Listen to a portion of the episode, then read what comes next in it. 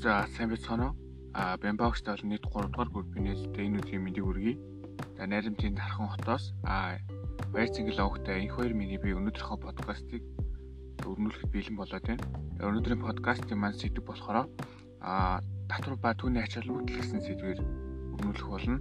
Тэгээд а подкастынхаа ихэнд ер нь татвар гэдэг зүйлийг тодтогоо төгсөн дээр баг. За тэгээд татвар гэдэг нь а хуулийн дагуу тогтоосон хэм хэмжээгээр а бүх хүн хуулийн этгээдээс төрийн байгууллага заавал төлөх бусадгүй шинжтэй хураамж юм а тодорхойлсон байна.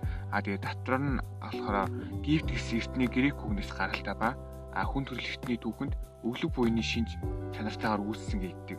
А одоогоос 200 гаруй жилийн тэртээ их Британий нэгдсэн ван тусад орлогын татварын хуулийг мөрдөж ихснээр орчин үеийн татварын тогтолцоо одоо бий болохын үнд суурин тавигдсан байна. За тэгээд монголчууд яг яасан бэ гэхээр эртний болон Чингис хаан түүний одоо залгамжлагчийн үед татвар төлөгч нь харьяа дардууд эзлэгдсэн аймаг олслогдсон хүмүүс татвар төлдөг байсан бол татварын хэлбэр нь болохоор биеэр бүтээгдэхүүнээр хөрөнгөөр зоосоор байсан. Орчин үед татвар төлөгч нь иргэн байгууллага татварыг бол зөвхөн мөнгөөр төлнө гэж заасан байна. Тэгвэл улсын төсвийн 70-аас 80% татвар дангаараа бүрдүүлдэг. А эдийн засгт Адам Смит татварын дөрвөн тарчин боловсруулсан байдаг. За нэгт татвар нь хүний талд төлж чадах бодит боломжийг тулгуурлан байна. За хоёрт болохоор татвар нь бүх хүнд илт тод шударга байх ёстой. За гуравт болохоор боломжит цаг цаг хугацаанд зохих хэлбэрээр төлөгдөх ёстой. За дөрөвт болохоор татвар хураан авах зардал хамгийн бага байх ёстой гэж үзсэн байдаг. Тэгээд татвар ногдуулах хувь хэмжээ нь а татвар ногдуулах хэд хэдэн хувь хэмжээ байдаг. За нэгт болохоор үл хөдлөх хөрөнгө борлуулсан бол 2%-ийг За тэгээд спорт урлагийн тоглолтоос олсон орлогод болохоор 5%. За тэгээд хонжил суглааны орлого 40%. За эдгээрс бусад орлого 10% татвар төлөх ёстой байдаг. Тэгээд татвар төлөгчийн эрхээс одоо зармийг нь онцлонд ордвол а татварын хууль тогтоомжид заасан хөнгөлөлт идэлнэ. Тэгээд энэ яг ямар тохиолдолд хөнгөлөлт идэх идэх вэ гэвэл а их сурвалж суралцахад ихэд бол хөнгөлөлт идэлж болдог. Тэгээд татвараас чөлөөлөгдөх гэж нэг байдаг. За энэ нь болохоор яг ямар тохиолдолд татвараас чөлөөдөх вэ гэвэл а орон сууц судалтаа авсан тохиолдолд тухайн орлогын 10% болох төгрөгийг татварын газраас хуцаа авч болдог байх нэ. За тэгээд а гуравт болохоор илүү төлсөн татварыг эргүүлэн авах буюу а суулгын тооцоолж болдог. За дөрөвт татварын албаа түүний байцаагчийн хууль бус үйл ажиллагаа а шийдвэрийн талаар мэдээж гомдол гаргах хэрэгтэй байгаа.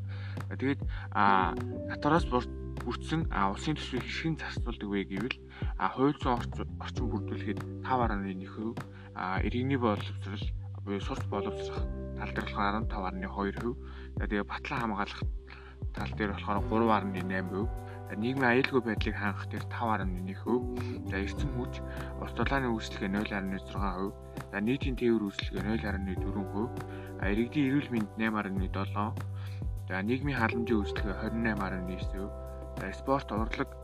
Урлагийн үйлчлэгээ спортын арга хэмжээ 1.6%, байгууллага орчныг хамгаалах үйлчлэгээ болон хөдөө аж ахуйд 1.5%, за орон орон сууцид болохоор 0.6%, за бусад ангилаагүй төрөлд болохоор 23.3%-ийг одоо улсын төсөв буюу татварын мөнхийг тийг застуулдаг байна.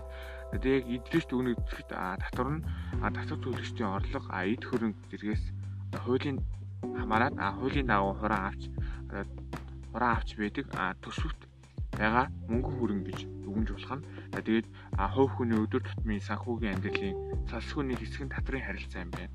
Тэгээд хүмүүс өөрсдийн хийсэн худалдан авалт тусамдаа татвар төлж яадаг. Иймээс одоо татварын төлөвлөлт хийх нь одоо хувийн санхүүгийн амжилттай удирдах нэг нөхцөл ба а хувь хүний татварын төлөвлөлтийн зорилго нь а хувийн ба санхүүгийн нөхцөл байдалд хүрсэн байхын зэрэгтэй татвараа үнэт шударгаар төлөхөд чиглэх ёстой. Бид татвар төлснөөр ер нь бид яагаад татвар төлөх ёстой гэвэл а бид яг татвараа ингээд одоо цаг тухайд нь туустай төлснөөр бидний одоо эрүүл аюулгүй орчинд амьдрах тий одоо боловсролтой эрүүл мэнд гих мэт зүйлсээр гих мэт зүйлс илүү а шинжлэгдэн бий болж а илүү эрүүл аюулгүй нийгэм зогслох болно. Тэгээд а төр оршихуун дээр татвар оршваа. Миний подкастыг сонсон та бүхэндээ баярлалаа. Дараагийн подкастаараа иргэн уулзлаа түр баярлалаа.